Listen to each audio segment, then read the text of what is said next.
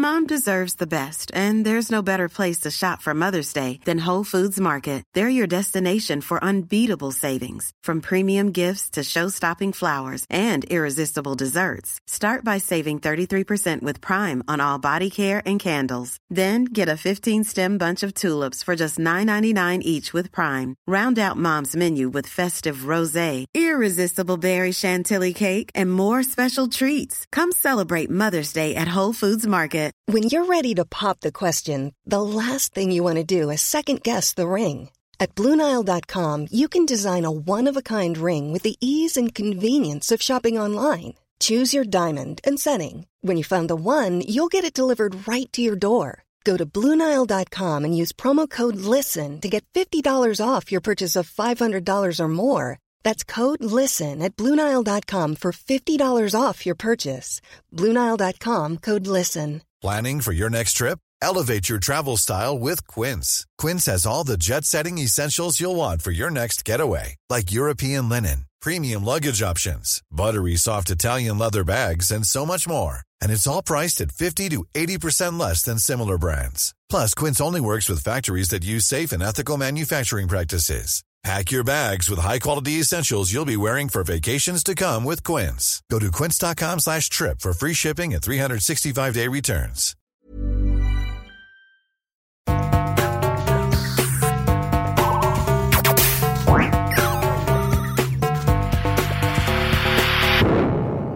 Velkommen til Sinnsyn. Jeg heter Sondre Risom Livre, er psykolog, og dette er Webpsykologens podkast. Hverdagspsykologi for fagfolk og folk flest.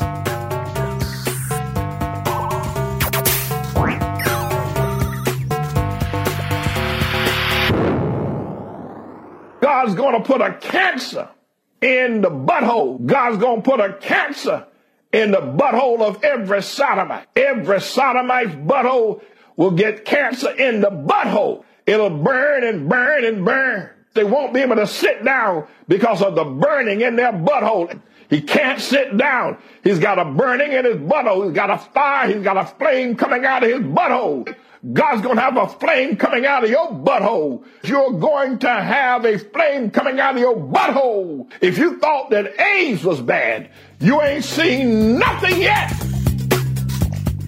Jeg ble oppringt av Morten Marius Larsen fra avisen Vårt Land. Han er journalist og ville vite litt mer om Psykologens journal. De som følger sinnssyn, vet at Psykologens journal er mitt største bokprosjekt, og det baserte seg på ti år av mitt liv hvor jeg begynte som hardnakka ateist og dernest utfordret mine ateistiske perspektiver og engasjere meg i kristne menigheter.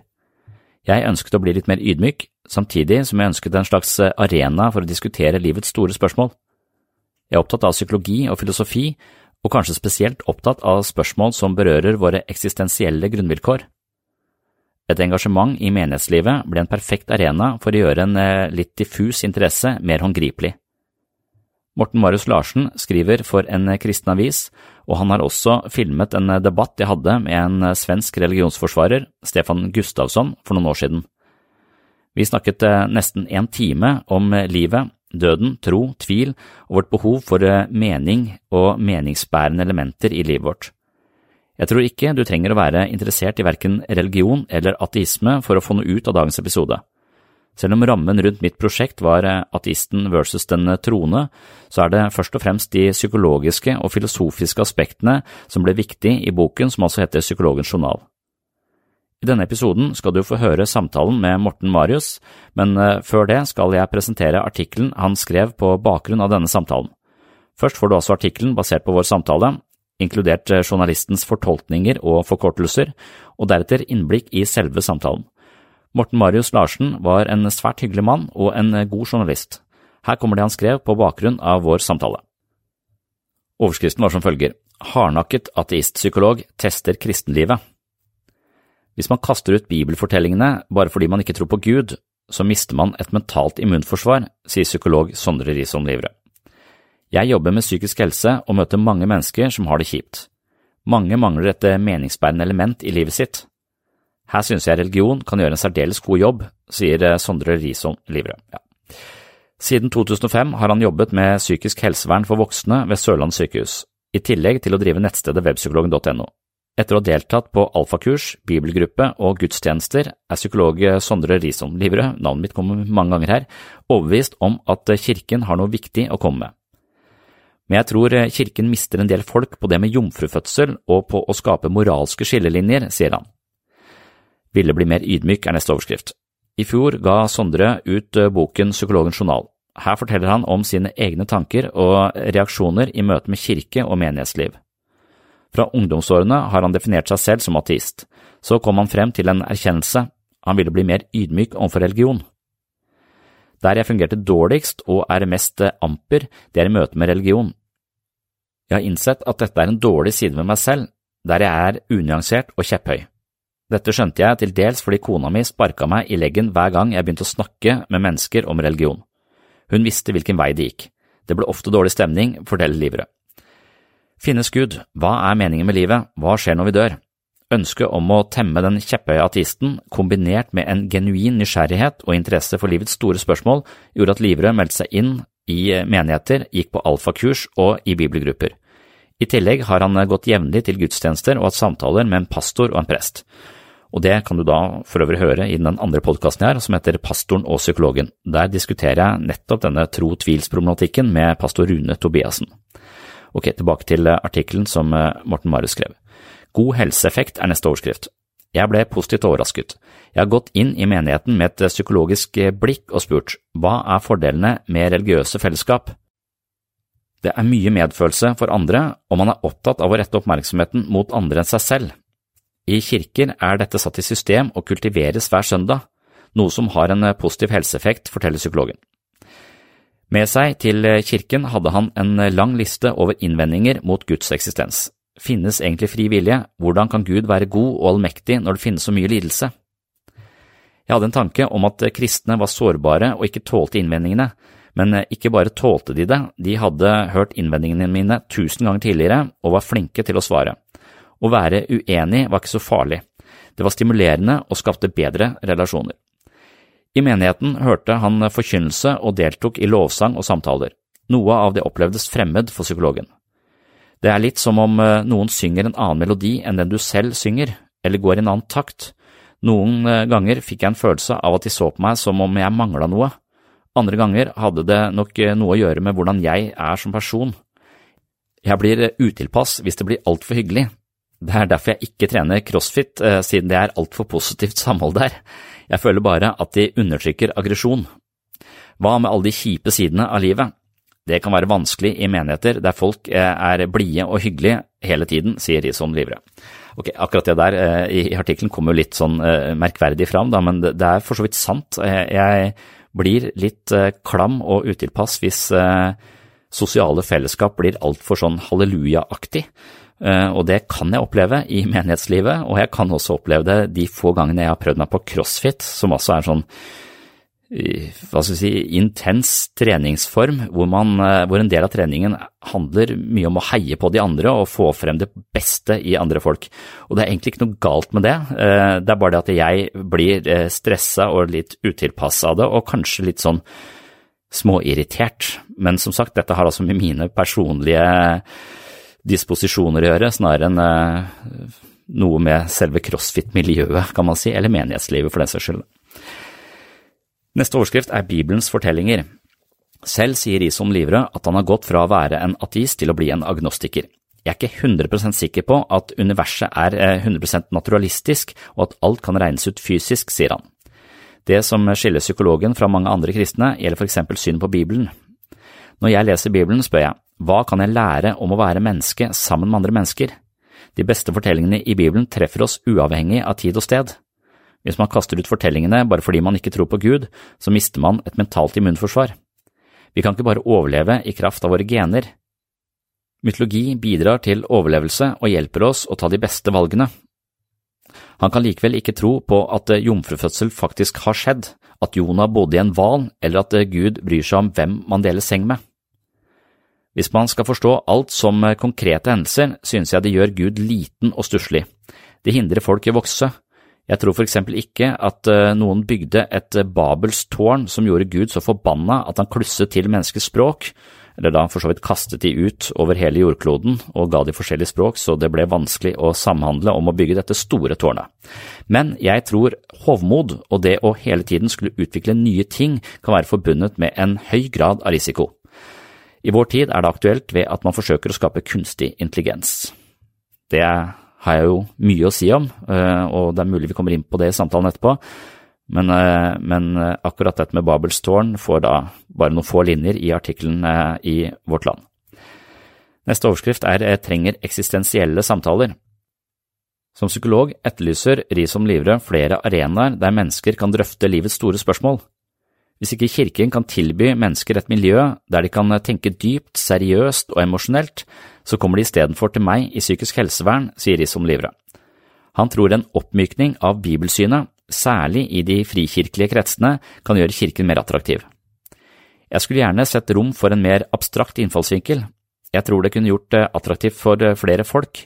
Jeg har inntrykk av at eh, kirken stadig mister fotfeste, og jeg tror det er et stort tap. Noen ganger føler jeg meg litt eh, som en forkynner. Hvordan da, spør journalisten. Jeg er opptatt av at mennesker ikke må bli fanga av Facebook og Twitter, men at de trenger mer meningsbærende innhold. Her synes jeg religion kan gjøre en særdeles god jobb hvis de slutter med alle de skillelinjene som ekskluderer. Folk kommer til meg som psykolog fordi de har eh, lite innhold og mening. Når de kommer hit, eh, kan vi lese filosofi sammen og snakke om meningen med livet, men man trenger en arena for dette utenfor sykehuset.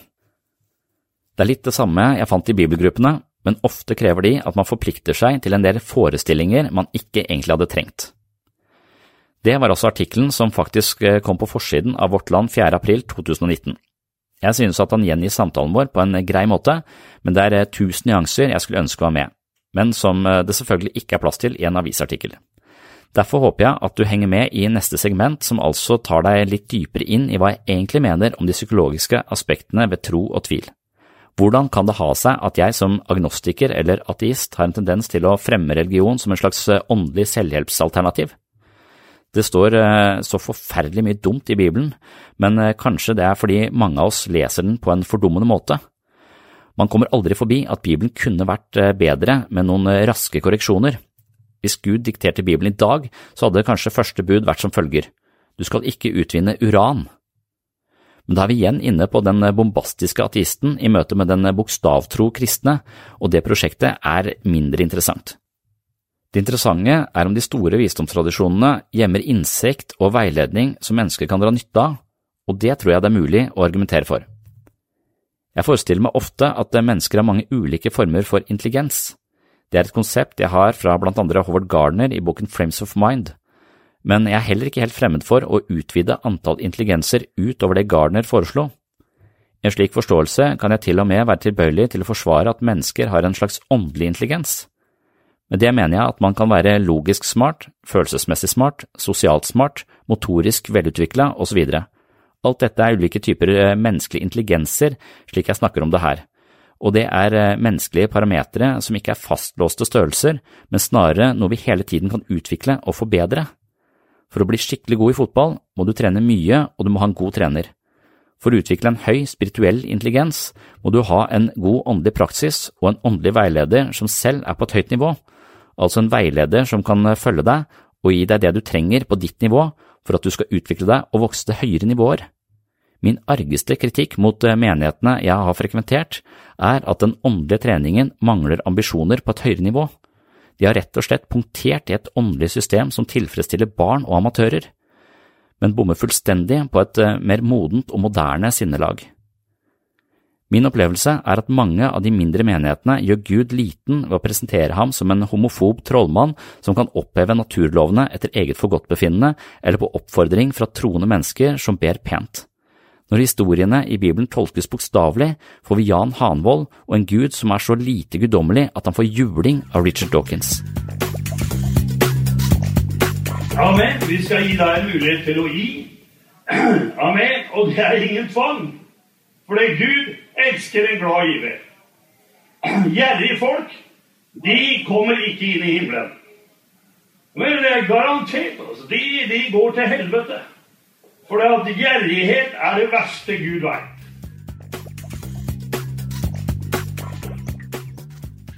Ofte hører jeg i menighetene at nyatistene driver med stråmannsargumentasjon mot en gud som ingen tror på, men det gjør de ikke. De angriper den guden jeg har støtt på utallige ganger i min reise gjennom menighetslivet. En gud som har meninger om menneskers samlivsform, er stusslig. Jeg har imidlertid også møtt eh, teologer som spiller en helt annen liga. De snakker om en gud som Richard Dawkins aldri vil klare å rokke, og de tilbyr en type åndelighet som inspirerer psykologatisten. Mennesket trenger en form for åndelig dybde og veivisende fortellinger som ikke gir oss noen entydige svar, men som ansporer oss til å lete dypere og nå lengre.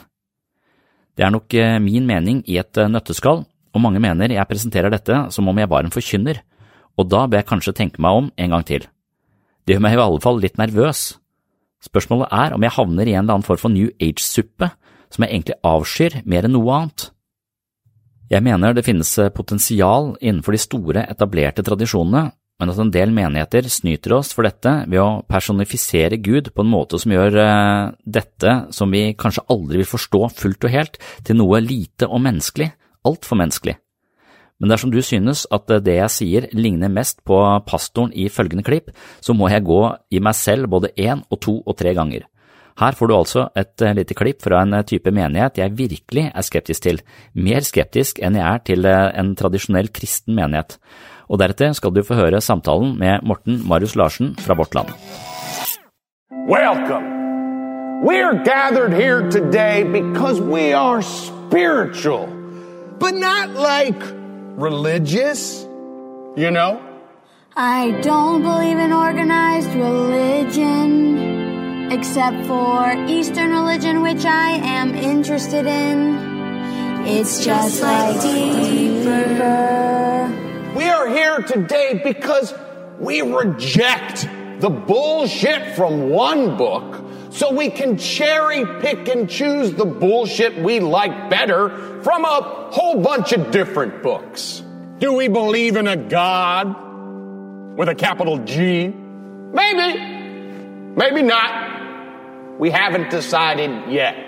But tell me that when you look at a sun satin over a hill, you don't feel a connection to something greater. I believe in an energy, ooh, that connects us, binds us together, and it's vibrating and stuff. You know what I mean? Totally. I get it. Now, everyone open your Twitter feeds to at Deepak Chopra. Our innermost awareness is a portal to divinity.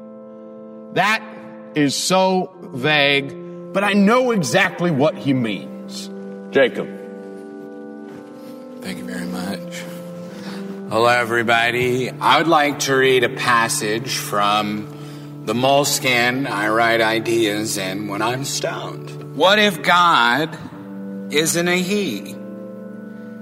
What if he is a she or a deer? Hear me out. I was at a music fest. I was outside taking a piss, and this deer walks up, and we make intimate eye contact, and he just started pissing. He was pissing as soon as I was pissing. It was one of the most spiritual things that I've ever experienced. Wow. And I light this in remembrance of the first time that I did mushrooms. Yeah, dude. Thank you, Jacob. Thank you for sharing with us everything you remember from your liberal arts degree. Take it away, Melissa.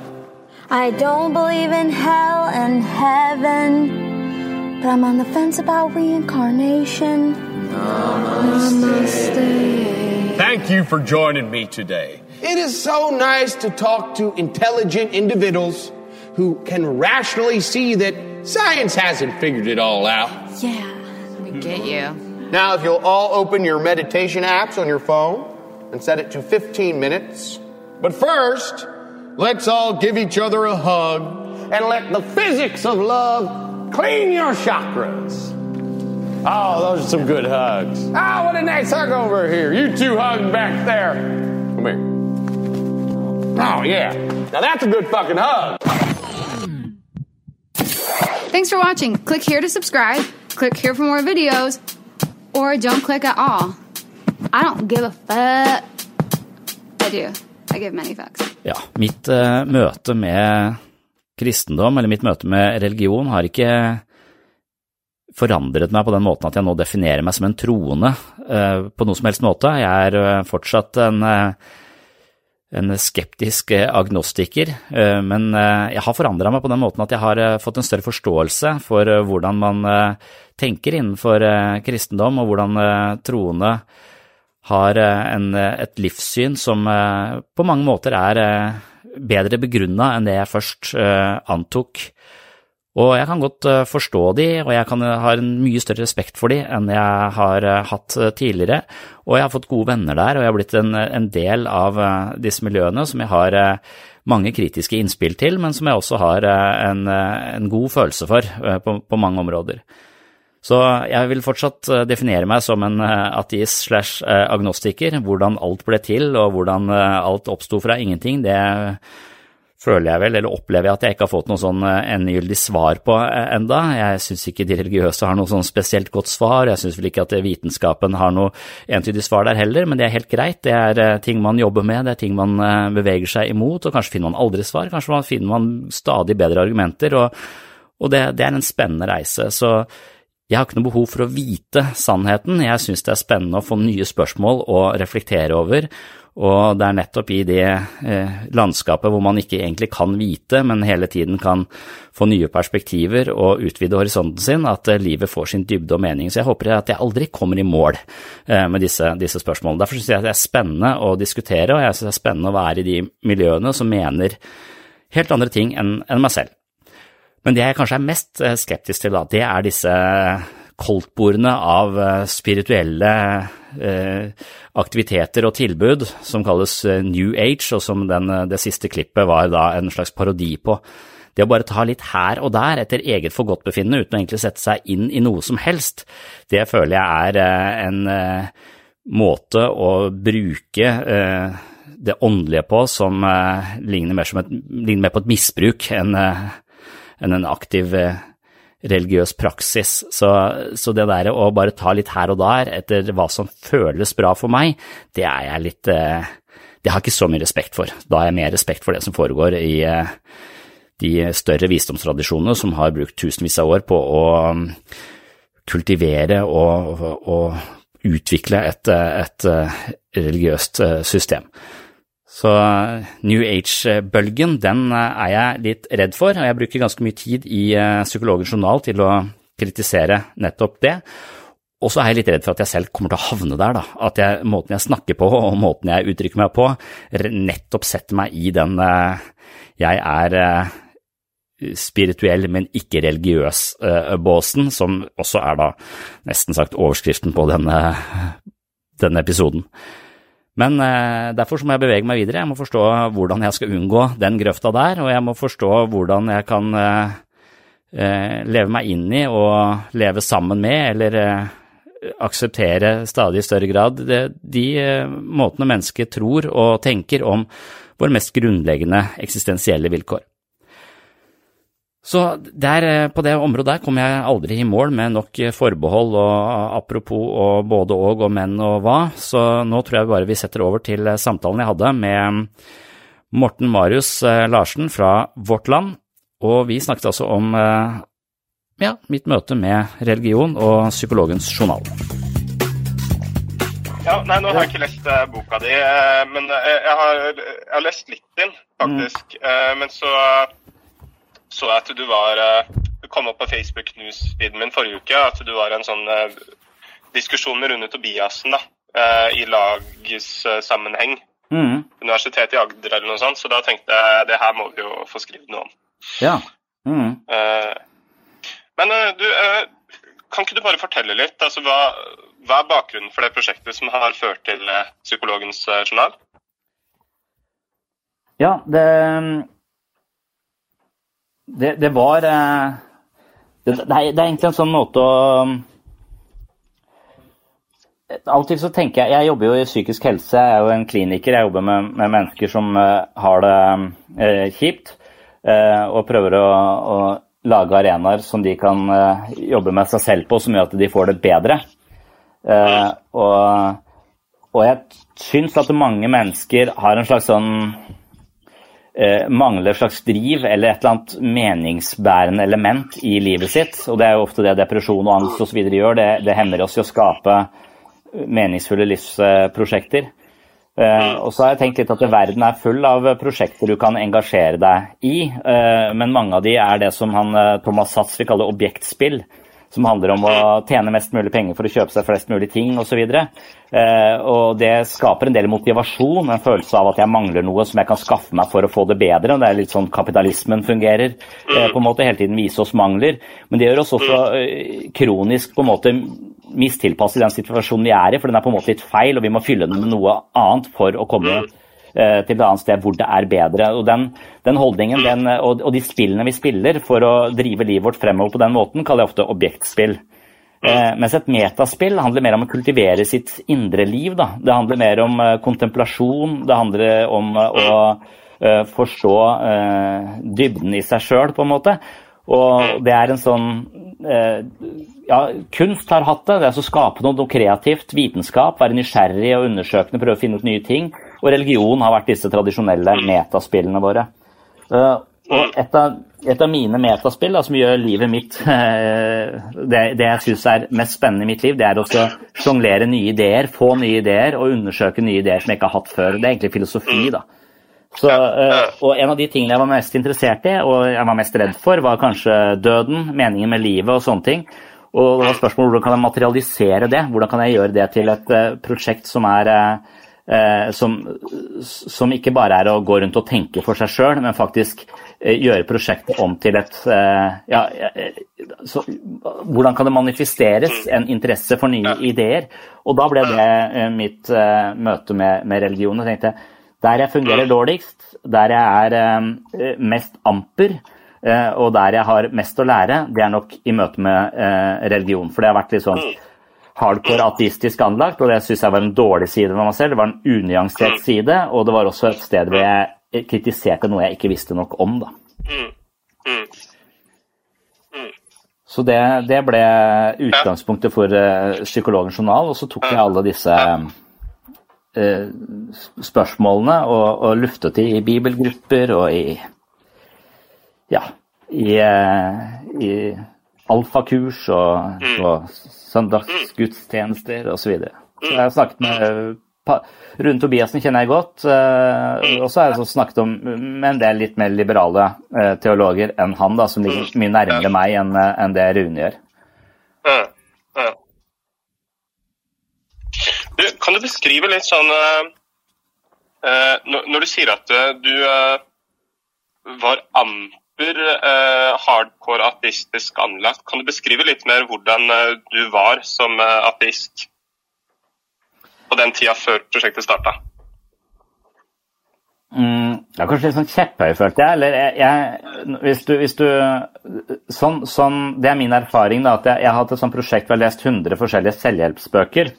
Eh, og så har jeg på en måte oppsummert de på Webpsykologen. Og, jeg, og, og jeg ser på meg selv at mine holdninger, Eh, min innfallsvinkel til å forstå ting farges hele tiden av den siste boka jeg har lest. Mm, eh, eh, så, så, dermed så, så, så, vet jeg at hvis jeg leser mye hvis jeg leser mye kognitiv teori, eller sånne kognitive terapeuter, sånn som Ingvar Wilhelmsen eller Dr. Phil, som jeg faktisk ligger på den lista, så blir jeg litt sånn Ta deg sammen, skjerp deg, du lurer deg sjøl. Jeg blir sånn jeg blir litt sånn eh, aggressiv eh, og tenker at folk bare må, må rette seg opp i ryggen. Eh, også, og da vet jeg med meg selv at hvis jeg da tar frem boka til Carl Rogers som heter 'On Becoming a Person', som er en mye mildere, mye mer sånn medfølende innfallsvinkel til forståelsen av mennesket, hvor empati står veldig sentralt jeg bekrefter bekrefte folk så de kan på en måte senke garden og, og åpne seg. En helt annen innfallsvinkel. Det gjør meg til et mye mildere person. Og, og, jeg mener at begge ting er riktig. da, så jeg, jeg tenker at Det å klare å nyansere seg, også forstå, ha flere bøker eller flere innfallsvinkler i seg samtidig, er veldig nyttig. Og når det kom til religion, så hadde jeg mest lest uh, ateister. ikke sant? Jeg er jo sånn ihuga tilhenger av uh, Sam Harris. Jeg følger han i alt han, uh, han driver med. og har, på, på, ja, på begynnelsen av 2000-tallet, eller 2006 og sånn, så var det Dawkins og sånn. Han ble litt sånn lei av. Jeg har vært veldig opptatt av Daniel Dennett som en sånn filosof jeg har hatt helt av studietiden. på en måte. Ikke bare for det han sier om religion, men alt annet han også, eh, også står for. Så debatten mellom han og Sam Harris om fri vilje har vært eh, interessant for meg. Så, så jeg, har, eh, jeg følte at jeg var unyansert. Jeg kunne til en viss grad skjønne at jeg var unyansert, for når man er unyansert, så reagerer man mye kraftigere eh, på, på innspill som strider imot din egen virkelighetstunnel. da. Eh, Jeg var ikke så nysgjerrig på, eh, på, på de religiøse argumentene. Jeg var mer opptatt av å eh, motbevise det. Og det var ikke noe særlig sunn holdning. Mm. Når skjønte du at det ikke var en sunn holdning? Men kona mi drev og sparka meg i leggen eh, hver gang vi, jeg begynte å snakke om religion eh, med noe som mente noe annet enn meg selv i sosiale sammenhenger, for hun visste ikke en vei det gikk.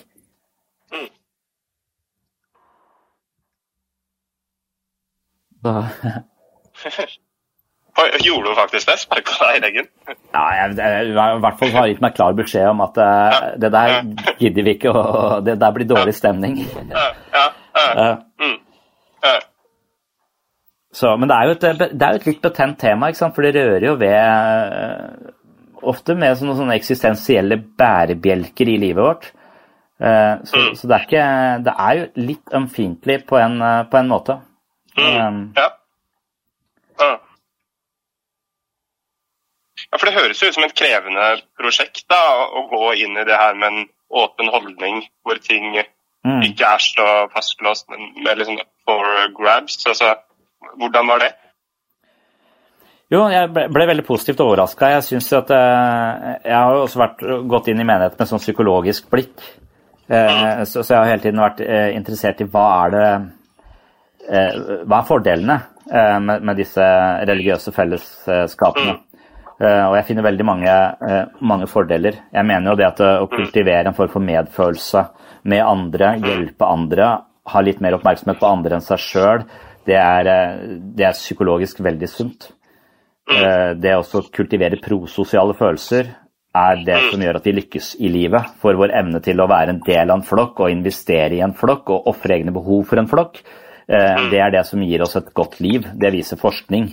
Eh, Så at det er satt i system, og det kultiveres hver søndag, og, og, og i, at man gir samler inn mat på mandag morgen osv. Så, så Så det at jeg er satt i system, det mener jeg at det har en veldig sånn eh, psykologisk helsebringende effekt. Eh, Så det syns jeg er kjempe, kjempebra, samtidig som det har en felles narrativ. Eh, Og så er det eh, interessant for meg Og mens jeg skrev dette, det har jo holdt på i ti år, da, eh, så har jeg jo også hele tiden vært forankret i jeg, veldig- jeg har vært opptatt av Jung, og jeg har vært opptatt av, eh, av mytologi. eh, Og jeg har eh, begynt å lese Bibelen eh, jeg, har lært mye om Bibelen, sånn som eh, ja, både Jung, men også Joseph Campbell og, og sånne som er opptatt av eh, hva disse tekstene eh, egentlig kan fortelle oss om det å være menneske sammen med andre mennesker. Og finnes det en dybde i disse eh, fortellingene som kan fungere som veivisere i, i livet vårt. Uh, og, det har gitt meg en helt annen forståelse av serier jeg ser på Netflix, men også av eh, det å lese uh, Bibelen og historier i, uh, i Bibelen, og ulike deler av Bibelen som jeg ikke har skjønt noe av før. Og, og, og det er der jeg krangler mest med de små menighetene. Eh, om, eh, for jeg mener at eh, og, og Sånn som Jordan Peterson har vært en representant for noe. ikke sant, Han snakker veldig sånn abstrakt eh, om religion, som gjør at det blir leve som om Gud eksisterer. Hva mener han med det? Sånn, tror du på Gud, eller tror du ikke på Gud? Det nekter han jo å svare på. Eh, og, og jeg liker litt den holdningen. Jeg tror liksom den har bodd litt i meg også, at jeg, jeg tror det finnes en Gud for alle nivåer. Jeg tenker at min, min sønn på seks kan godt ha en mann med hvitt skjegg hvis han har lyst til det, for det passer eh, det, det kan matche hans muligheten til å forstå noe som er større enn han selv. Og så kan Gud endre ansikt etter hvert som man, man vokser. Og, og det har muligheten til å, å abstrahere dette og gjøre dette til et mer åndelig prosjekt etter hvert som du selv utvikler deg, syns jeg er viktig. Og min viktigste kritikk da av de menighetene er at de det som Jordan Peterson vil si er fenomenologisk sant, eller metaforisk sant, det oppfatter de som faktisk sant, som empirisk sant. Uh, og der stang jeg hodet i, i, veggen. Når de mener at uh, jomfrufødsel er noe som faktisk har skjedd, når de mener at uh, Jonah faktisk ble spist av en hval osv., så, videre, uh, så mener jeg at de gjør guden sin liten og stusslig og, og, ødelegger muligheten for å vokse åndelig da, i, de, i, i den arven de faktisk har og forvalter. Eh, mens der vil jeg jo mer liberale teologer være tilbøyelig til å være helt enig eh, i det, og, og, kunne ha ganske mange fascinerende og flotte samtaler som går den, går den veien. Mm. Mm. Det, det, det, siste, det du kan være enig med, det er eh, med den Jordan Peterson-holdninga at her kan vi snakke abstrakt om religion? Ja, men det, det ligger så tett på meg som psykoterapeut. ikke sant? For jeg tror f.eks. at ja. drømmene våre forteller oss noe viktig. Når jeg drømmer at eh, jeg går i en stor, fremmed by og mister sønnen min, mens dattera mi hele tiden står ved min side, så, så, så forteller det meg det forteller meg, hva, hva, betyr det? Er det bare en tilfeldig drøm, eller har den en eller annen, kommuniserer den noe? Og Som psykoterapeut så tror jeg jo at drømmene kommuniserer et eller annet. og og når jeg tenker gjennom det, så tenker jeg ja, sønnen min han er nå i midten av to, en eldre søster og en yngre søster, og kanskje vi har forsømt han litt. Kanskje han har blitt litt borte, kanskje han trenger noe, han er mye sint. Kanskje jeg er nødt til å nærme meg han nå for ikke miste han i en fremmed by. Så, så det at jeg kan liksom eh, dra ut en slags kunnskap av det jeg, det jeg drømmer, det, det, tror jeg at, jeg tror at mytologien treffer oss i hjertet. Jeg tror at, at, uh, fortellinger snakker til oss på en måte som eh, ansporer til forandring og nye retninger i livet. De treffer oss i hjertet, ikke i hodet. Det er der jeg tror Sam Harris tar feil. Jeg tror ikke at det, alle mennesker er så rasjonelle som han. Og dessuten så tror jeg ikke Vi kan godt være rasjonelle og forstå oss i hjel. Det er ikke sikkert vi klarer å leve annerledes for det. Jeg tror at fortellingene treffer oss på et helt annet nivå, som gjør at vi kan, kan endre kurs på ja, de, de, de, har mye større virkning. Og det tror jeg er eh, fortellingens kunst, da, og det som kanskje er eh, Bibelens styrke også, at det er det som Joseph eh, Campbell kaller universets sanger, sunget av tusenvis av mennesker, som rett og slett treffer oss og, og, og har en slags Om det ikke er universelt sant, så, så det, har det en, en, sånn noe som De beste fortellingene i Bibelen de treffer oss uh, uavhengig av tid og sted. Uh, Uh, og, og, de kan være viktige for oss. Og hvis vi kaster de ut fordi vi ikke tror på Gud, uh, så, så, tror jeg vi mister et slags mentalt immunforsvar. Uh, en, en, viktig del av, av vår, vår, på en måte menneskelige arv. Så, som, for det at vi, vi, kan ikke overleve bare i kraft av gener. Vi har også en del mytologi som er en del av det å være menneske, som vi trenger for å, gjøre, for å utvikle oss videre og gjøre de beste valgene. Mm. Mm. Så Jeg tror f.eks. ikke at Babel, eh, tårnet i Babel jeg, jeg, jeg, tror ikke at noen prøvde å lage et tårn som gikk opp i himmelen, og at Gud ble forbanna pælma de rundt på hele jorda, ga de forskjellige språk så de ikke klarte å samarbeide. Men jeg tror at hovmod og det å hele tiden utvikle nye ting og jobbe videre kan være forbundet med en høy grad av risiko. Det, så, så, Den historien er viktig for oss i dag, fordi vi er i ferd med å skape kunstig intelligens, kanskje. ikke sant? Som også er et sånt tema jeg har tatt opp. Eh, helt kapittel om kunstig intelligens. Vi har snakket med kristne mennesker om kunstig intelligens. De mener at roboter kommer til å bli kristne. Uh, så Å oh, ja. Er det folk som mener det? Mm. Hm, stilig. Det får et annet uh, intervju. Men ja, det, det, det, det, det, er kjempespennende. Ja, er. Jeg lurer litt på uh, lurer litt på om eh, sagt eh, litt mer om det møtet ditt med menighet. Eh, hvordan var det å, for deg som ateist å, å tråkke inn i kan du si, det miljøet, da? Ja. Det var forbundet med trening i impulskontroll, på en måte. Det er, det er litt sånn som jeg mm. tenker at jeg har det når jeg skal møte ja, broren min, f.eks. Jeg liker ham veldig godt, men han, uh, han, kan også være en person som vi kan lett komme til å ødelegge stemningen ved å begynne å diskutere et eller annet vi er uenig i. Så hvis jeg ønsker at vi skal ha en god stemning, så må jeg være litt bevisst. Og så jeg møter med en høy grad av bevissthet, fordi at jeg lett kan komme i den posisjonen hvor jeg blir arrogant og, og, og bedrevitende, og utagerer det og mister relasjoner. Så, så jeg, jeg leste, Dette kom i forlengelse av selvhjelpsprosjektet mitt, hvor jeg leste Benjamin mm. Franklin som sa at uh, det er viktigere å ha gode relasjoner enn å ha rett. Eh, så det var som om jeg hele tiden tenkte det inni meg viktigere å ha gode relasjoner enn å ha rett. Så jeg hadde egentlig bare et ønske om å få relasjoner i første omgang. Eh, og så etter hvert så var det Så hadde jeg en sånn tanke om at de kristne var veldig sånn eh, sårbare og ikke tålte mine innvendinger. Eh, og så gjorde de absolutt det. De hadde hørt mine innvendinger tusen ganger før. De var kjempeflinke til å svare på dem. Eh, så, så, så, det var ikke noe farlig å være uenig i det hele tatt. Det var egentlig bare stimulerende, og det skapte kanskje nesten enda bedre eh, relasjoner.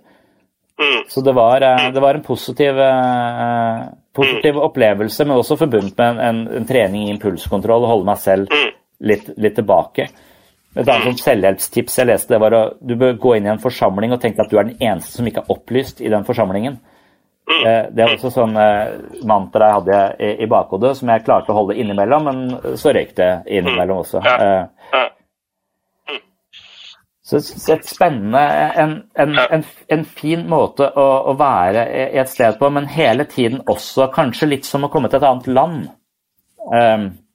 Fordi at det, det er noe med kodene og miljøet som gjør at du aldri Jeg hadde aldri en opplevelse at jeg gikk i akkurat samme takt som, eh, eh, som de andre.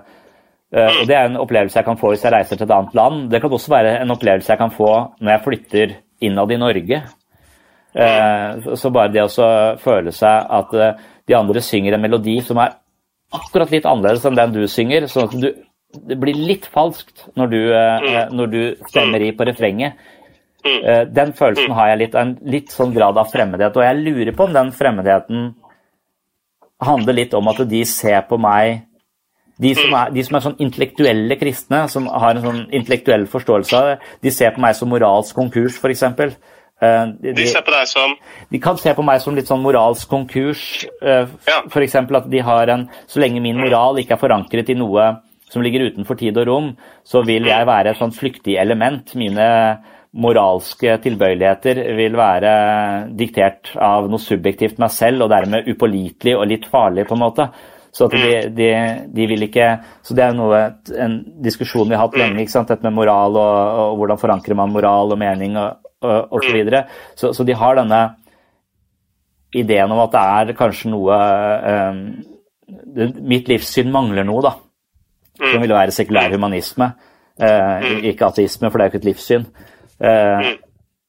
så, så, så det er, men det er jo spennende å diskutere de, eh, de, tingene, så jeg følte meg alltid velkommen. Og så følte jeg også en grad av annerledeshet. Og så er det også med mine egne psykologiske disposisjoner. da. Hvis ting blir for hyggelig for meg, så blir jeg eh, eh, også utilpass.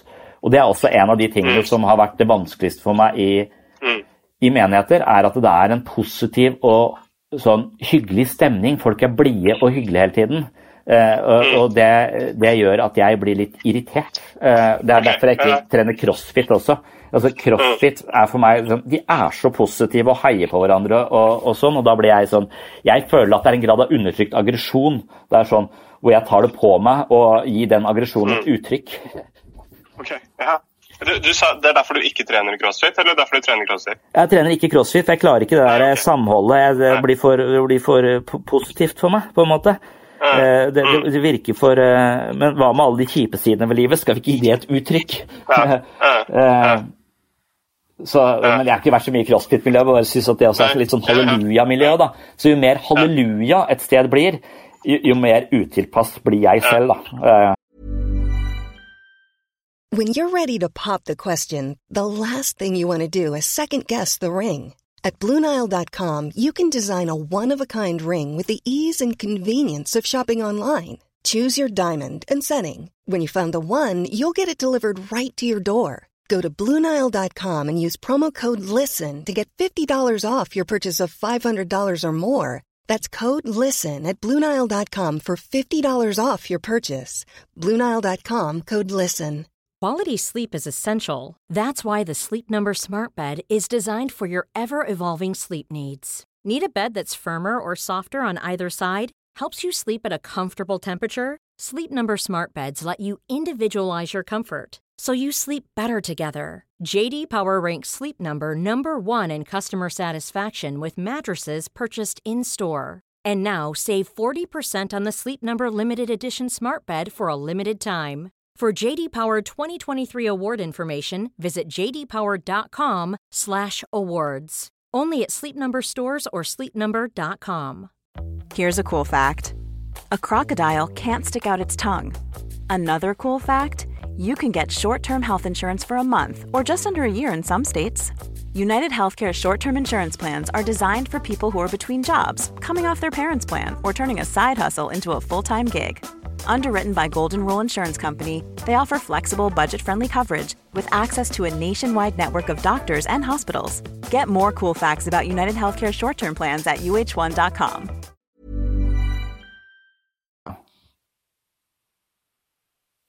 Men, men, det handler jo mer om, og det er derfor boka heter 'Psykologens journal'. ikke sant? Jeg undersøker mine egne reaksjoner på disse tingene.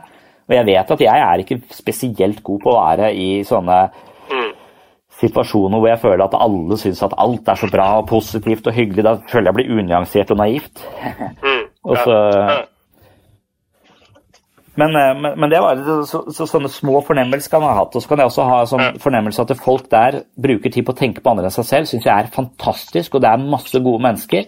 Mm. Og så finner jeg også noen at det å be for andre, eller det å eh, hjelpe hverandre, også kan ha det, For meg så er hjelp veldig sketchy. Det å hjelpe noen kan gjøre de små.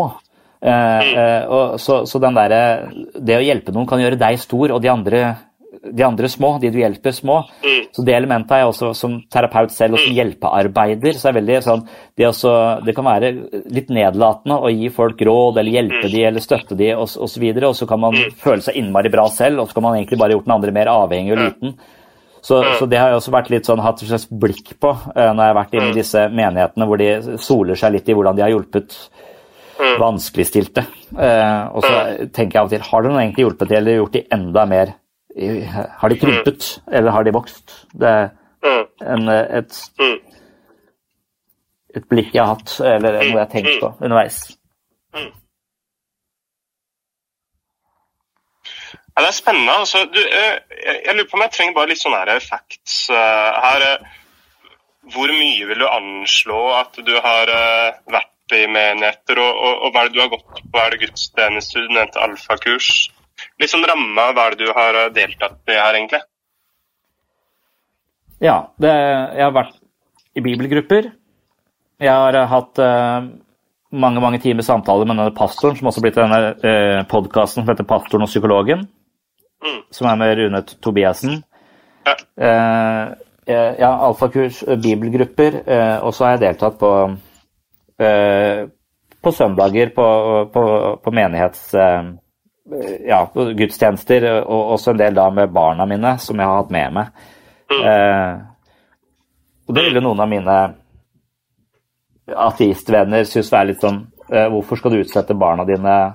For det? Det er noe som på en måte skyr disse menighetene, og, og virkelig mm. bare synes det er noe faenskap de i hvert fall ikke vil utsette barna sine eh, for. Mm. Den eh, den holdningen kunne jeg også hatt tidligere, men etter hvert som jeg ble kjent med det, så var jeg ikke spesielt mm. redd for det. altså. Eh, det er godt nok at de lærer litt eh, om eh, Men det er ikke noen mørke, mørke menn i disse menighetene. Det er jo velvillige, selvoppofrende, gode mennesker som ønsker å skape et, et innhold på en søndag for, for barn. Mm. Og, og, mine barn tror eller ikke tror, det legger ikke jeg meg så veldig mye opp i. Jeg bare diskuterer det med dem, og hvis de tenker at de trenger en mann med hvitt skjegg fordi de er eh, seks og ni år, så, så, er det helt ok for meg. Uh, for de kan vokse inn i en eller annen form for forståelse, så den vil endre seg hele tiden. tenker jeg. Så jeg er ikke sånn livredd for at vi skal indoktrineres. I hvert fall ikke med meg som far, da. Så, så, så den frykten har jeg ikke hatt. Så, så, har jeg vært en del i, i, i den lokale Eh, på en måte kirken, Oddernes kirke, som er eh, på sånn Spist suppe, prata med presten der, eh, som er statskirken, og, som, som er, ligger nærmere meg. og så har vi hatt noen sånne debatter, da, sånn som den med, på UiA, og så snakket med en, en svenske som heter Stefan Gustavsson i en debatt en gang. og så Litt sånn bare, bare engasjert meg. Det var forresten jeg som filma den. Eh, med Stefan Gustavsson oh, ja. i sin tid. Ja, ok. Så det er der jeg har uh, sett deg ja, sett deg første gang, da, i hvert fall. Ja, ja.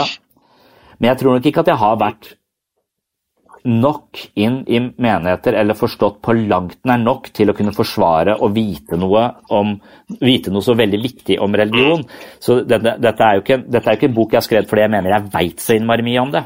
Dette er mer en bok jeg har skrevet fordi jeg var nødt til å vite mer om det. Eh, så dette var en bok jeg var nødt til å skrive for min egen del. ikke en bok jeg, De andre bøkene jeg har skrevet, har jeg tenkt at her vet jeg masse, dette vil jeg formidle. Uh, I denne boka så er det 'her vet jeg for lite', og det vil jeg undersøke. Uh, så det er mer det blikket som er psykologens uh, journal. Det er spennende. Du, du, sa at det her var over en periode på ti år? Ja, jeg... At du har besøkt menigheter osv.? Nei, for ti år siden så begynte jeg å skrive ned alle mine innvendinger mot Eh, religion etter at jeg var Jeg jobbet som psykolog, og så studerte jeg en del filosofi på siden. Eh, så igjen for å materialisere det prosjektet, så, så, så var Bennett en person jeg brukte mye tid på. Så, og så brukte jeg mye tid på å formulere mine egne argumenter mot religion. da. Eh, prøvde å, å ikke gjøre de helt like som ikke være et ekko av Dawkins, på en måte, men ha mer de psykologiske brillene på. Så jeg brukte ganske lang tid, eller ganske mange år på å skrive. og Jeg liker å skrive, jeg skriver nesten hver dag, så jeg skrev om, eh, om innvendinger mot eh, religion da jeg var på mitt mest ateistiske. Og så har jeg latt eh, det bli stående, og så ble prosjektet da å Egentlig så hadde jeg tenkt å bare sparre med en, en troende om mine innvendinger, men så ble prosjektet mer at jeg skulle prøve å motbevise meg selv.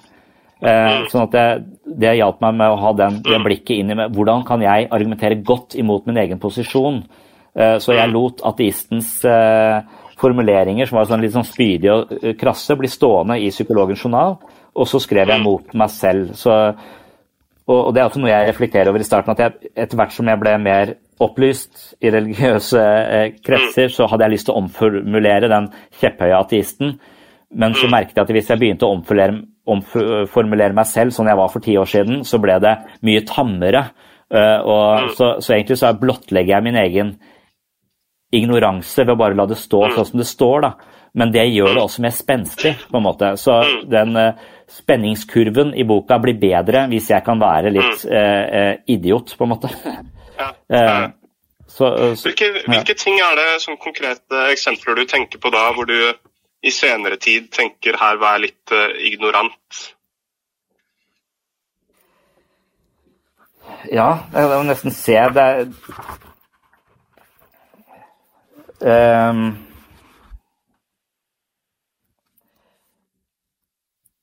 det, det, det, er egentlig bare i mangel av uh,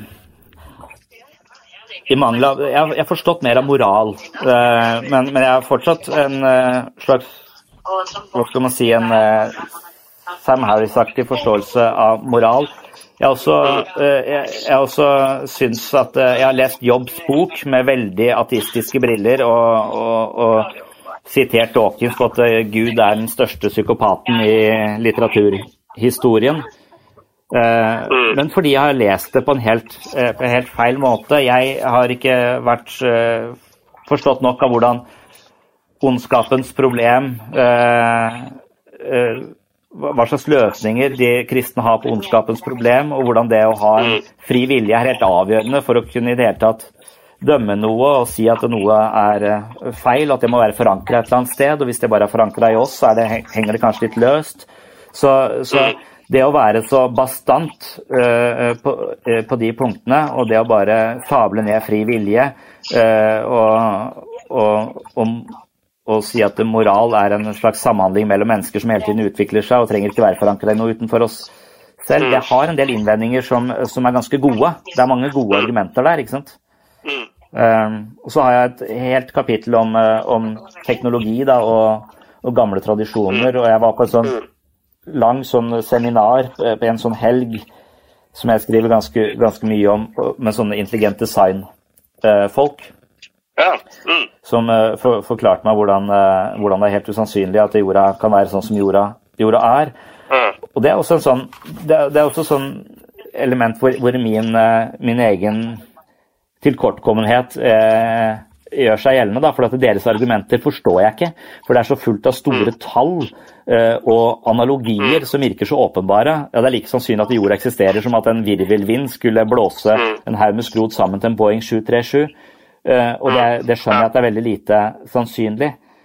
Og, og det å da måtte forstå sannsynlighetsberegning og sånn. Så jeg mener fortsatt at det er at de sier at det er så usannsynlig de, jeg føler de bruker logikk og sannsynlighetsberegning på en litt feil måte, da, men da måtte jeg spørre folk som var matematikere om dette. Jeg, måtte, jeg, skjønner ikke dette. Jeg føler meg nærmest overbevist via denne helgen at dette her er jo helt utrolig. Eh, men er det noe så, så, så ting var ikke så enkelt som jeg, som jeg trodde. På, på, mange av de mest sentrale stedene i, som er de vanligste debattpunktene også. Hva vil du si etter det prosjektet her at uh, liksom står seg som uh, det beste argumentet ditt mot Guds eksistens? Og hva tenker du at det har blitt mest utfordra av de posisjonene du hadde da? Eller du kan svare på det ja. første først. Jeg vil si at jeg har gått fra å være en uh, hardcore ateist til å bli en agnostiker.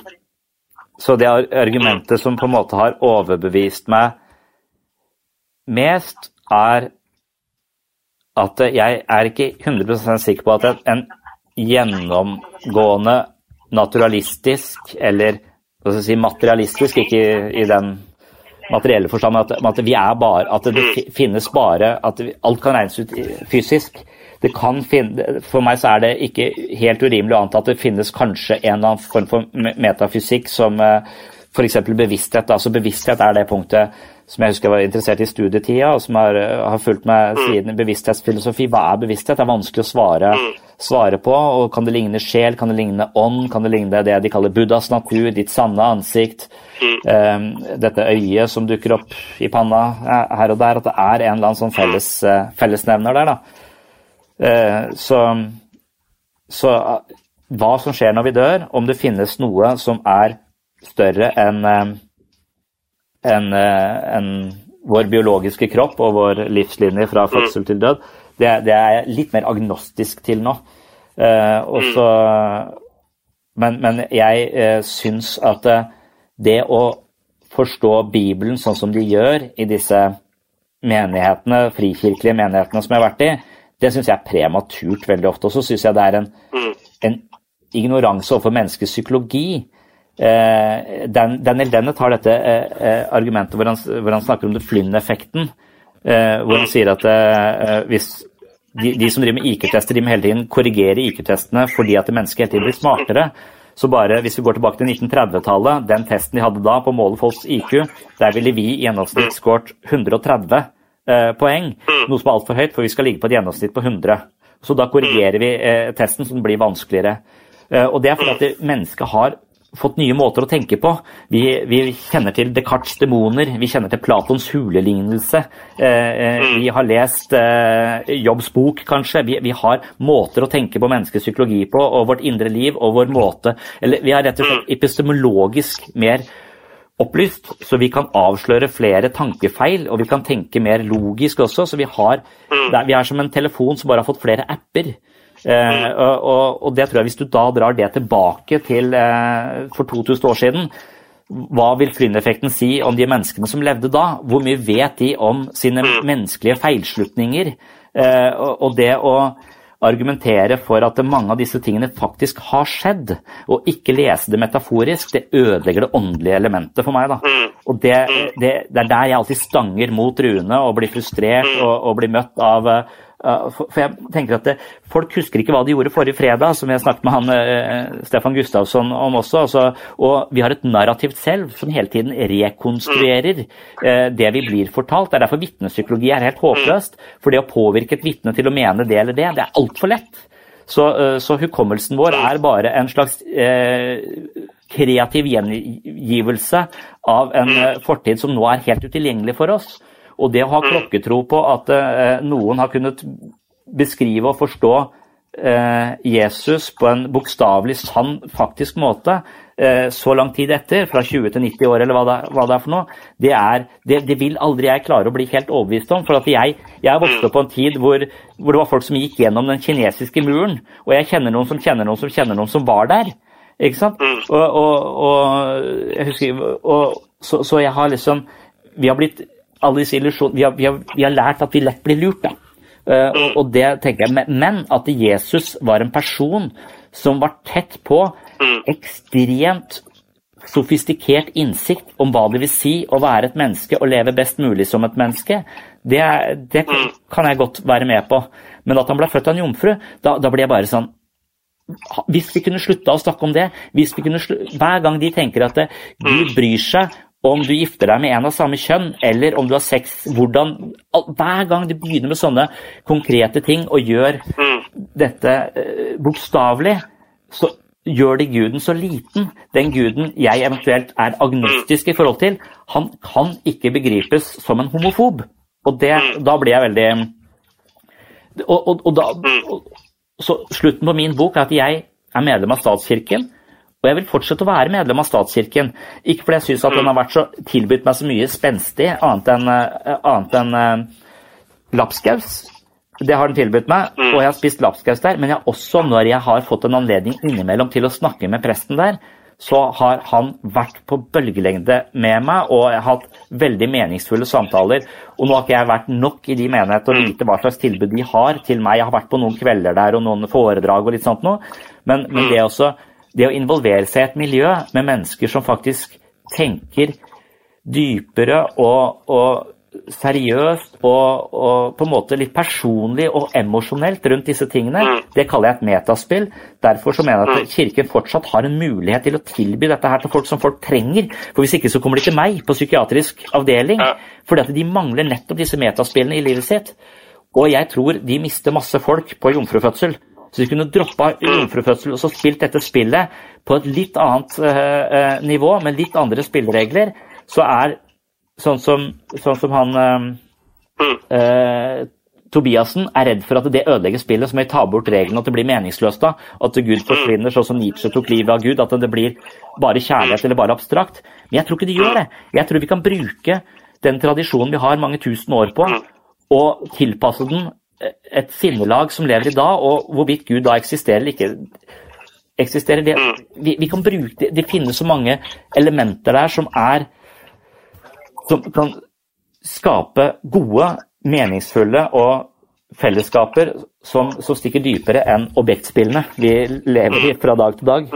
Det, det tror jeg er et stort tap å kaste Gud ut med badevannet, så jeg har lyst til å beholde han. Jeg har lyst til å beholde historiene, og jeg har lyst til å, å prøve å lese de mange ganger for å se om jeg finner noe mer i de.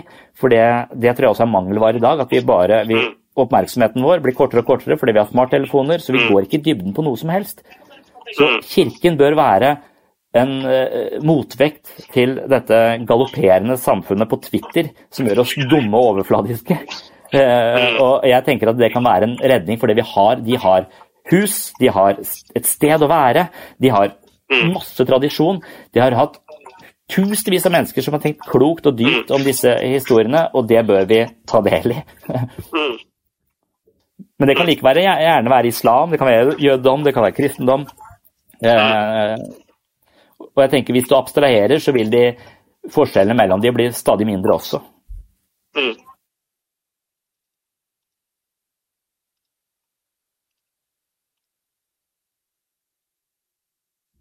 Det her er veldig spennende, altså. Eh, jeg har lurt litt på om eh, jeg skulle ringe Rune Tobiassen også, Mm. eh, siden dere har hatt litt samtaler, og, og kanskje eh, Ja. brukt hans stemme litt også, da. Eh, for, for det er Østsida frikirke du har gått i? Ja. Er du her i byen, du, eller? Nei, Nei. jeg er ikke det. Jeg sitter i Oslo, Ja, ok. eh, dessverre. Ja. Så Ellers så skulle vi gjerne hatt en litt sånn her fotoshoot med deg og Rune sammen. For vi, vi eh, har noen avtaler nå eh, framover. skjønner du, Så eksempel skal vi møtes Ja. på torsdag da, på hans kontor. Okay. Mm. Ja. Og så har vi flere avtaler framover etter det også. eh, Ja. Så vi, har, vi skal fortsette samtalen vår. Vi har hatt en ganske lang pause. Og så Mm. skal, skal vi begynne å snakke sammen litt igjen. Ja. For det, det, det er veldig nyttig å vite, eh, for da kunne jeg kanskje sendt en fotograf. Eh, Men det tror jeg at jeg må høre litt med de andre her eh, om, da. Mm. Eh, Men kan du si noe om samtalene med Rune? Hvordan har de vært? Ja, jeg vil si at ehm, jeg er litt redd for at de står og stanger litt, uh, og at uh, vi ikke egentlig Jeg er litt spent på om vi har muligheten til å komme noe videre enn det vi, det vi har. Um, og så føler jeg at uh, når jeg sitter på scenen nede på, uh, på Håndverkeren uh, under den lanseringen av Psykologens journal, hvor det kom veldig masse mennesker, og, Rune, og jeg Rune Først så skal jeg si litt om boka, og så, og så skal jeg Rune snakke, debattere etterpå, på en måte.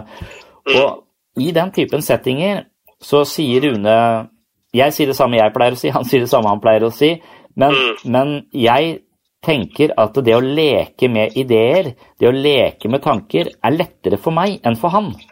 Fordi jeg har ikke så mye å tape. Altså, for meg så, så, så jeg, jeg, har ikke en menighet som sikkert har stilt eh, på, på, det arrangementet som jeg skal på en måte eh, Jeg er ikke programforplikta til å mene noe som helst. Jeg har en slags frihet i sjonglering av ideer som han ikke har, fordi hans stilling Mm. Tilsier at han må være noe annet. Så, så, av og til så tenker jeg at den lekenheten jeg kan ha i møte med privat med, med andre teologer, på en måte, den, den, kan være kanskje litt mer spenstig enn det han på en måte er programforplikta til å mm.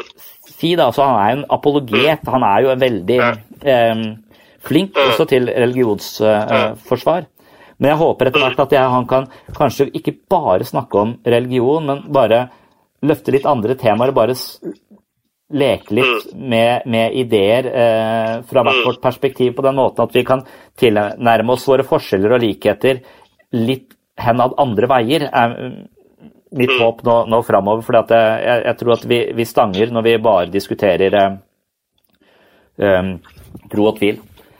Mm. Mm. Var det dere kom i kontakt, egentlig? Ehm, ja, det var jo han som var eh, leder i den menigheten jeg da, eh, som var nærmest meg, da. Eh, som jeg søkte, søkte til først.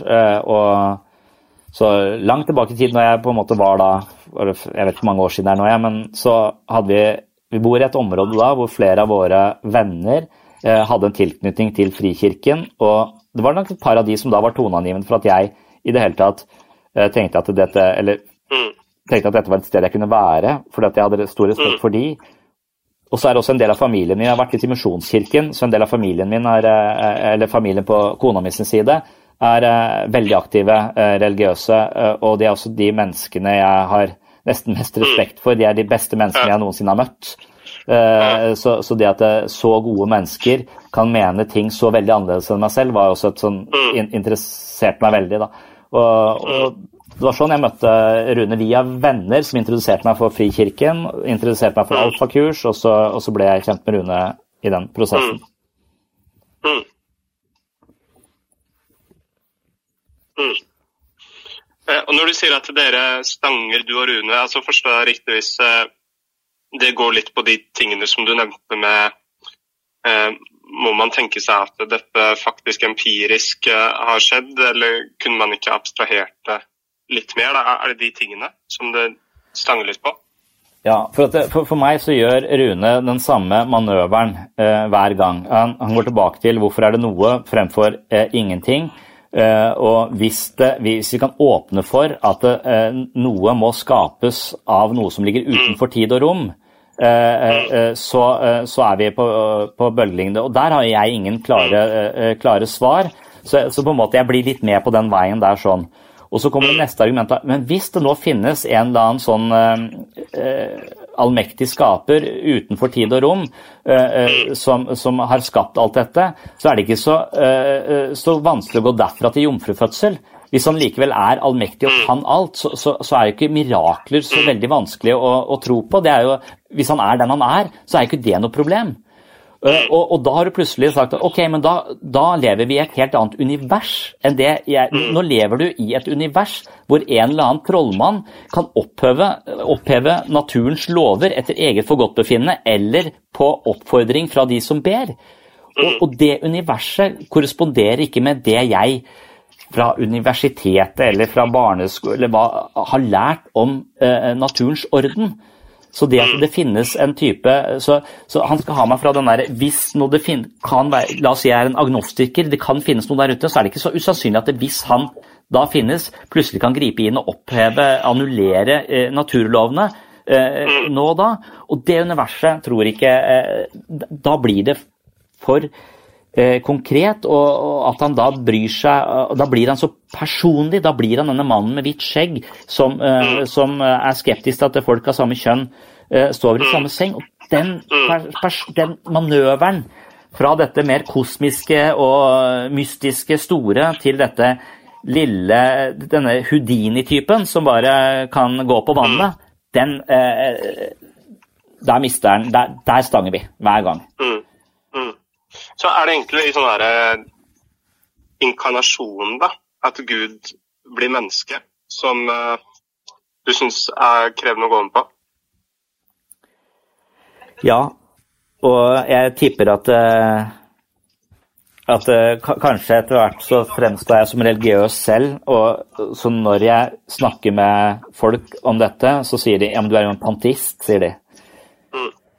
Så det er nok litt det at jeg ikke at, at hvis, det, hvis, det, er noe metafysisk, så kan det være en eller annen form for bevissthet, en eller annen kraft som eventuelt materialiserer seg. ikke sant? Så, så, så, at, eh, så, at, hvis det finnes noe åndelig, så, så, ligger det som et slør over alt, eller er i alt. Eh, eh, og, og det er ikke en, en moraldommer som, som seg. Så, jeg, jeg, husker jeg snakket med Ole Martin Moen, han filosofen i, på, på Blindern, om dette. og han, han, mener selv at han er en pantist. og, og han mener vel at Gud er det som var før the big bang, og at the big bang på en måte eksploderte alt. Sånn at Gud bare ble, bare på en måte ble spredt for alle vinder. Og, at det, vi nå er i ferd med å samle det igjen. altså at Etter hvert som alt går tilbake til én en enhet, så, er, så er Gud, vil Gud oppstå igjen som, som, det Gud er, altså en enhet.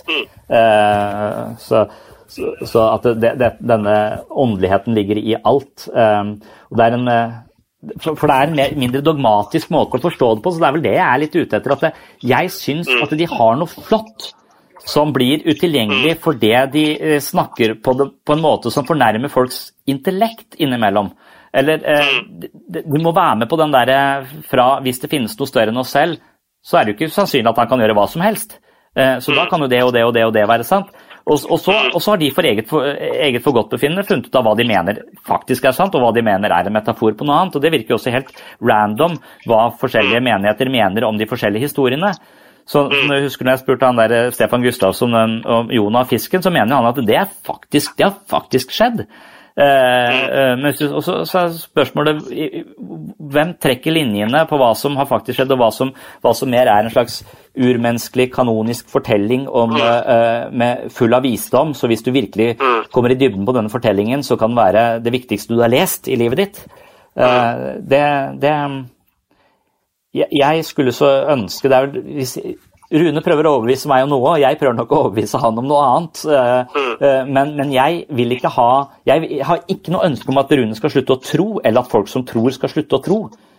Jeg skulle bare sett om det var rom for en mer abstrakt eh, innfallsvinkel til dette som kunne mm. vært attraktivt for flere folk. For jeg opplever at eh, vi mister At Kirken kanskje mister fotfestet stadig mer. Jeg har ikke tall på det nå, men eh, jeg tror det er et stort tap, da. Mm. Mm. Så jeg føler meg litt som en, eh, som en forkynner også. ja, ja. Hvordan da? Nei, bare det at Jeg ønsker at folk skal ha viktige metaspill og, og, og ikke bli fanget av Twitter og Facebook, på en måte, men ha, ha uh, meningsbærende innhold i livet sitt som stikker litt dypere. og Der syns jeg at religion kan gjøre en særdeles god jobb, hvis de, hvis de slutter å, å, skape disse fillelinjene med, som, som, kan virke ekskluderende på folk. For jeg føler jeg har det på jobben min her. Det er det vi driver med. Folk kommer og har lite innhold, de har lite mening. De er gitt opp dette uh, objektspillene, for det gjør de bare utmatta. Det er en slags åndelig fattigdom. Uh, som når de kommer i grupper her, og vi leser filosofi sammen, og vi diskuterer livet, døden, meningen med livet, uten at vi mener å ha noe riktig svar på det, men vi har hele tiden en vei å gå. Vi kan hele tiden komme til nye innsikter som utvider horisonten vår litt hele tiden. Det er litt det samme jeg fant i bibelgruppene. Det var muligheten til å mm. gjøre det der sånn. Mens nå gjør man det i offentlig psykisk helsevern, og man har rett til helsehjelp og en diagnose for å, øh, uh, for å få lov til å delta. Vi trenger den typen arenaer utenfor øh, sykehuset. Og det mm. fins, men det forplikter deg til en del forestillinger som ikke nødvendigvis hadde eh, du hadde trengt til å måtte kjøpe, tenker jeg. Mm. Mm. Så dermed så, så syns jeg at uh, Kona mi sier at George Pete, Eller det må du ikke skrive, men George mm. Peterson kan virke litt som en psykopat eh, på måten han fremtrer eh, på, samtidig som jeg syns han har han sannsynligvis en verbal intelligens som er langt over gjennomsnittet. Men han blåser liv i både Jung og religion på en måte jeg mener kanskje er riktig vei å gå. Jeg tror at han når langt, også til folk som meg, som ikke definerer oss som, som troende. Jeg, jeg følger hans bibelleksjoner med stor interesse. Og det gjør ikke at jeg kommer lenger ifra noen åndelige uh, overbevisninger. Det gjør snarere at jeg kommer tettere på det og gjør det til en del av livet mitt. Han har mange timer med de forelesningene. Så jeg syns hans, hans, vei å gå ikke er så dum, hvis vi ønsker at folk skal ha en åndelig overbygning på livet sitt. Mm. Mm.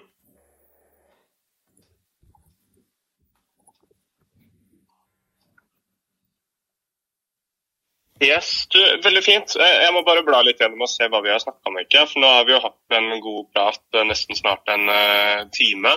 Ja. Uh, jo, det kunne jeg tenkt meg å spørre om. altså Det prosjektet som du har gjort der, er det noe som du vil anbefale andre hardnakkede ateister? Ja, det hvis, hvis, målet ditt er å, å, utvikle deg selv, på en måte, for det er, jo, det er, jo, et litt egoistisk prosjekt, kan man si. Jeg hadde jo et ønske om å bli en, en litt bedre variant av meg sjøl enn det jeg var. Eh, så, men hvis målet ditt er å overbevise andre mennesker om at de tar feil, eh, eh så kommer du ikke så langt med, med et sånt pro prosjekt. Altså, men hvis målet ditt er å være litt åpen og interessert i å møte andre mennesker som du tidligere ikke har hatt noe med å gjøre, så kan det være ekstremt berikende. Og, det tror jeg det, så sånn sett så tror jeg det er et, eh, et berikende prosjekt for alle som hadde, hadde prøvd. Det, det, denne oppdagelsen gjorde jeg egentlig i militæret, og det tror jeg mange gutter har gjort i militæret. altså at jeg, På videregående så var jeg sånn der, jeg og min gjeng og alle andre var ikke kule nok. eller var det, Vi var sikkert ikke så veldig kule, vi heller. men men at, at, jeg var veldig sånn eksklusiv i hvem jeg skulle og ikke skulle være sammen med, fordi jeg var veldig usikker på meg selv, så jeg bare måtte ha min gjeng rundt meg. på en måte. Og jeg gikk glipp av så mange mennesker som jeg avfeide som annerledes. Og så kommer du i militæret, og så blir du tvunget inn på rom med ti andre uh, folk som er av den typen du ikke hadde valgt. Og så oppdager du at det, for noen folk, for fantastiske mennesker De Deg hadde jeg aldri møtt hvis ikke det hadde vært for disse rammene i denne militærleiren her. Og du har blitt mm. noe av det mest berikende relasjonen jeg har hatt i mitt liv. Som jeg fortsatt mm. har en relasjon til. ikke sant? Så det, mm. den erfaringen jeg gjorde på at mennesker som i utgangspunktet jeg ville bare gått unna, faktisk ligner meg og er litt lik meg, bare at vi på et eller annet måte har definert oss som svært forskjellige, det, det, det tror jeg men, så, så, sånn å oppdage det, at de menneskene i de menighetene er helt lik meg, like, jeg og Rune er kanskje likere enn mange andre mennesker. Altså, Vi er mm. på en måte åndelig søkende begge to, bare at vi mener litt forskjellige ting. Mm. Så, så, det er noen som mener at det er en slags åndelig personlighetstype. De som har behov mm. for, uh, for å, å, bevege seg ut i den litt mer mystiske delen av, av livet. Mens det er mer sånne Gunnar Tjomli-folk som uh, er opptatt av fakta og det materielle og, og, og sannhet på en litt annen i en litt annen mm. kvadrant. Så jeg vil, jeg vil anbefale jeg, jeg, tror det er, kan være et veldig spennende uh, prosjekt. hvis man er, Det er en måte å materialisere en interesse for filosofi og ideer og, mm. og, og sånn på også. Så man kan godt mm. si at man er interessert i filosofi, men hvordan, hvordan gjør du det? Er det et prosjekt? Hvordan gjør man det om til et faktisk prosjekt? Da, da kan de også delta i sånne, sånne sammenhenger og kanskje skrive om det, eller lage en podkast som jeg Rune. Det har vært utrolig berikende for, uh, for meg. Og det er spennende kreativt. Det er spennende på mange, mange måter. Mm. Mm. Um, yes. Du, jeg, jeg, har veldig mye bra som jeg kan skrive ut nå, altså. Så det, det er helt topp. Jeg sjekker det med foto, men hvis, eh, hvis, jeg ikke får til noen fotograf eh, med deg, Rune, det, har du noen bilder som vi kunne brukt eh, av deg? Ja. Jeg, jeg har litt sånn snevert en, De bildene jeg nå bruker, de er de som har brukt til Psykologens journal. og De skulle illustrere alvor, død og meningsløshet og 'vi har ikke noe fri vilje' osv. Så, videre. så, eh, så, så, så de er litt sånn dystre. Så jeg kan godt sende, Hvis du sender meg en mail på webpsykologene alfakrøllgmail.com, så kan jeg godt sende de, den typen bilder jeg har. Ja, Var det gmail.com? Uh, ja, webpsykologene i flertall, alfakrøllgmail.com. Ja, ja. Men, men når vi møtes på torsdag Vi har jo ikke gode kameraer nok, vi, til å ta et bilde av oss sjøl. Har vi vel? Eller? Um, altså, det er mange iPhones og sånt som er kommet veldig langt nå. Men jeg, jeg, vet ikke. Jeg, jeg ville kanskje sjekka om vi har en fotograf i området, altså. Ja. Um, så det blir litt ordentlig. Mm. Men men alternativet er å bare ha et bilde av deg og så et uh, lite et av Rune ved siden av. da. Mm. Kunne også gått an. Ja. Men uh, ja. Mm. Ja. Uh, nei, men jeg Ja. syns det er en kjempespennende historie å fortelle. altså. Den der, det prosjektet der du har traff inn i menighet og røska tak i liksom de store spørsmåla. Ja, også fra, fra et litt sånn uvitende posisjon også, så det, det er kanskje mulig for, for uh, hvermannsen å gå inn i det fordi at jeg eh, selv måtte begynne på scratch, liksom. Litt. Ja. Mm. Ja. ja. Ja, det er liksom det. Mm. Ja. Uh, yes. Nei, men eh, du kan du bare noen sånne faktaopplysninger også. Eh, hva er det du jobber med til daglig? Jeg jobber eh, Jeg er psykolog, og så er jeg eh, spesialist i klinisk voksenpsykologi. Mm. Og så jobber jeg med gruppeterapi til daglig. Mm. Og så driver jeg Webpsykologen, som eh, er et nettsted hvor jeg ønsker å formidle psykologi til fagfolk og folk flest, står det vel der. Og det, det er denne Så jeg, det er noen slags pedagog i meg også. Jeg liker å, liker å, å formidle faget, men så liker jeg nå i stadig stigende grad å istedenfor å holde foredrag, snakke med folk eh, om, eh, om ulike. Så dette semesteret har vært mye på at vi har, gått, har snakket med forfattere om bøkene de har skrevet. Eh, og så er vel mitt bidrag da den psykologiske eh, perspektivet på det. Mm. Ja. Eh, og når du snakka om eh, at folk kommer inn til deg og dere leser filosofi sammen, er det de eh, gruppeterapisettingene? Det er noe som eh, heter biblioterapi, som jeg driver som et supplement til terapi. Biblioterapi? Ja, det kalles biblioterapi, eller jeg har kalt det det. Eh, Det handler rett og slett om å lese tekster, forstå tekster og lese seg selv inn i og få en, få en slags innsikt via å lese tekster. Så, så der har vi eh, der hører jeg på eh, Der hører vi, kan vi høre på podkaster, eller vi kan lese små artikler også de, som har en slags psykologisk, filosofisk element. Fri vilje er et tema vi snakker masse om. Ja. Ja. Ja. Og hva er liksom de, eh, uten at du trenger å gå så veldig inn på det, men uh, hva er på en måte de store eksistensielle spørsmålene eller, eller temaene som uh, har vært viktige for deg i det prosjektet her? Frivillige, eh, der har nok alle møtt veggen på et eller annet tidspunkt som har prøvd seg på, på dette. Så for, for, for, jeg ser jo på de menneskene som kommer hit, litt som roboter. De er biologiske roboter som handler på autopilot. Eh, og for at de skal kunne komme seg ut av de destruktive mønstrene, den destruktive måten å tenke om seg selv på, jeg er ikke like mye verdt som andre, eh, komme seg ut av depresjonen, så må de slutte å gå på autopilot. De må overta styringa og på en måte eh, forholde seg mer til hvordan de fungerer, og handle annerledes. Og for meg så innebærer det en grad av fri vilje. Så hvis jeg tenker at jeg gjør noe psykologisk sett hjelper folkene, så er det å øke graden de har av fri vilje til å handle i tråd med egen fornuft og bedre viten, istedenfor å bare være en emosjonell robot som bare handler Følelser er egentlig Det å være følelsesstyrt er å være en robot. Det å handle mer overveid og reflektert, det er å ikke være en robot. Eh, men det krever at vi istedenfor å bare gå på autopilot, faktisk stopper opp og reprogrammerer oss selv. Og det er noe sånn litt guddommelig over det, syns jeg. Det er altså muligheten vi har til å faktisk ikke bare være en del av naturens orden, men på en måte transcendere vår egen historie, vår egen automatikk, vår egen genetikk, nærmest. Altså vi kan, vi kan leve annerledes hvis vi forstår det, og hvis vi klarer å se oss selv, metakognisjon på en måte, evne til å se seg selv utenfra, Som kan godt være at det er der Gud oppsto. fordi at Med en gang vi er selvbevisste og føler at vi kan se oss selv, så er det ikke så langt derfra til å tenke at noen andre kan se oss, noe der oppe kan, kan se oss.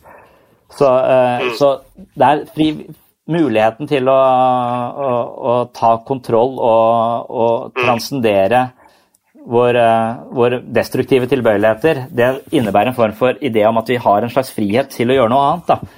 Uh, og det var der uh, fri vilje ble viktig for meg. Som jeg, fri vilje virker som en forutsetning for min egen praksis, samtidig som jeg leser Sam Harris og forstår at vi har ikke frivillige. Uh, og, og da, da, må jeg tenke mye på det for å komme til et bunns, og det gjør jeg ikke. Så fri vilje har vært viktig, ondskapens problem har vært, vært, viktig, moral har vært viktig, teknologi har vært viktig. Jeg har vært interessert i Nick Bostrom og, og og hvordan de religiøse stiller seg til, eh, til en stadig nye teknologiske nyvinninger som faktisk mm. kanskje kan Kanskje vi ikke kan bli Gud selv, vi kan kanskje skape en Gud hvis den plutselig tenker 100 ganger, 100 eh, 000 ganger raskere enn oss selv og er på vårt nivå av intelligens. Hva skjer da? Mm. Så det, mm. jeg, jeg, må også gå i gruppeterapi nå om to minutter, jeg. Um, ja. Så Eh, jeg sender deg en sitatsjekk, og så, ja. Jeg også sender jeg mail først, og, uh, så du kan sende meg noen bilder. Mm. Uh, og så sjekker jeg mellomtida det med foto, da. Ja, og så kan du høre med Rune uh. hvis han har noe innspill der. Ja. Mm. Mm. Kjempefint, men det var hyggelig ja. at du ringte og er interessert. Det er jeg jo veldig glad for. Jo da. Ja. ja. Mm. veldig gøy å prate med deg. Så får du ha en fin dag videre. I like måte. Ok. Yes. yes. Ha det bra. Ha det bra.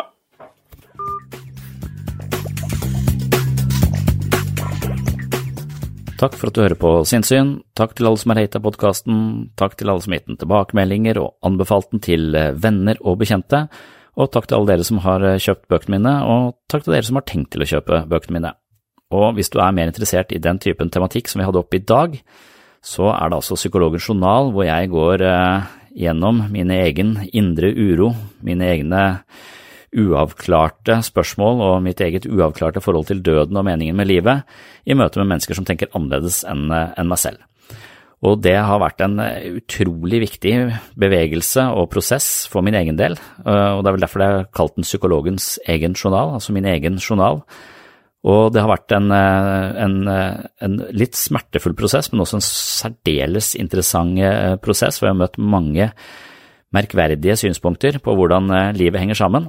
Og de har jeg da reflektert over i denne boka, og den får du altså til best pris eh, med gratis frakt osv. fra webpsykologen.no. Det var det for eh, denne gang. Ja, og så vil jeg nevne at jeg har jo en annen podkast sammen med Rune Tobiassen, altså pastor Rune Tobiassen, og den heter Pastoren og psykologen, og det er jo der vi driver og spiller pingpong med disse ideene fram og tilbake, hvor vi mener helt forskjellige ting eh, når det kommer til livets store eksistensielle spørsmål. Og vi eh, diskuterer det med tidvis litt høy temperatur, men eh, med, med, en bakgrunn i at vi er veldig gode venner og liker hverandre veldig godt. Så vi møtes på loftet mitt eller på kontoret hans med jevne mellomrom for å lufte våre ulike synspunkter. Så hvis du er interessert i akkurat disse dilemmaene mellom tro og tvil, så er eh, Pastoren og psykologen, et sted hvor du kan eh, høre mer om det fra, fra min side og fra Rune Tobiassen sin, eh, sitt perspektiv. Ja, da har jeg ikke mer å si. Håper du følger med i neste episode, og på gjenhør.